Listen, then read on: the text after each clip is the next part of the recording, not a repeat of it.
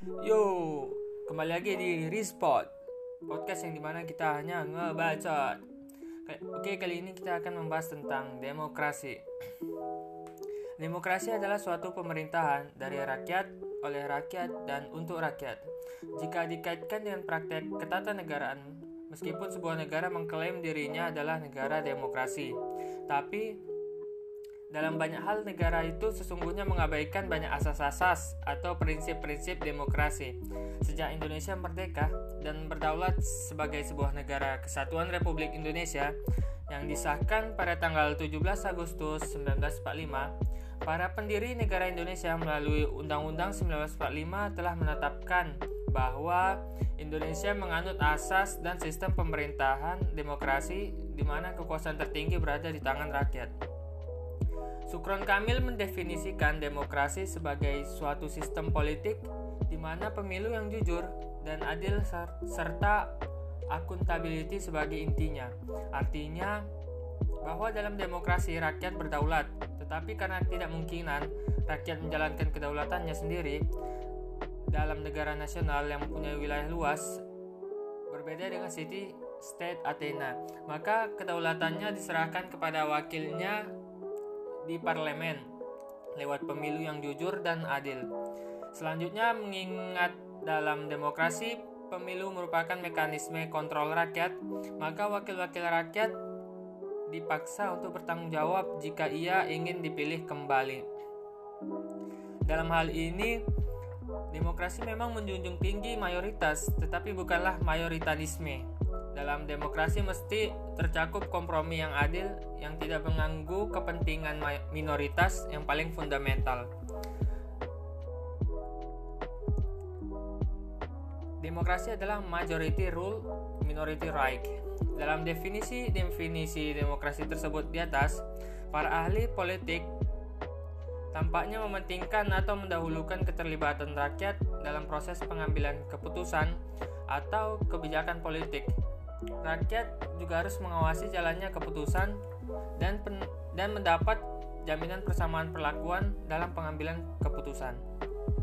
Dengan kata lain, sekalipun terminologi demokrasi memiliki banyak batasan pengertian, namun batasan yang dikemukakan para pakar politik tersebut tampak menemukan titik temu yang sama, yaitu bahwa demokrasi memiliki doktrin dasar yang tidak pernah berubah Doktrin tersebut adalah adanya keikutsertaan anggota masyarakat, yaitu partisipasi rakyat dalam menyusun agenda politik yang dijadikan landasan pengambilan keputusan. Pada masyarakat plural, plural seperti Indonesia, perbincangan mengenai relasi antara agama, demokrasi, dan multikulturalisme multikulturalisme merupakan tema yang selalu menarik dan tak ada habisnya untuk didiskusikan. Cita-cita mewujudkan demokrasi hampir selalu menyinggung agama dan keragaman budaya.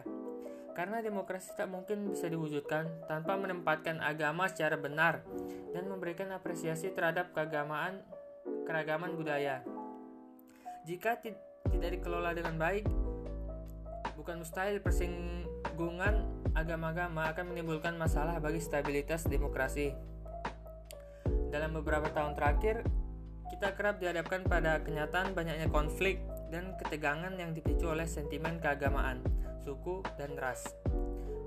Untuk membangun kehidupan yang berdemokrasi tidak semudah membalikkan ke kedua telapak tangan. Banyak perjuangan dan pengorbanan untuk menjadikan bangsa Indonesia sebagai bangsa yang demokratis.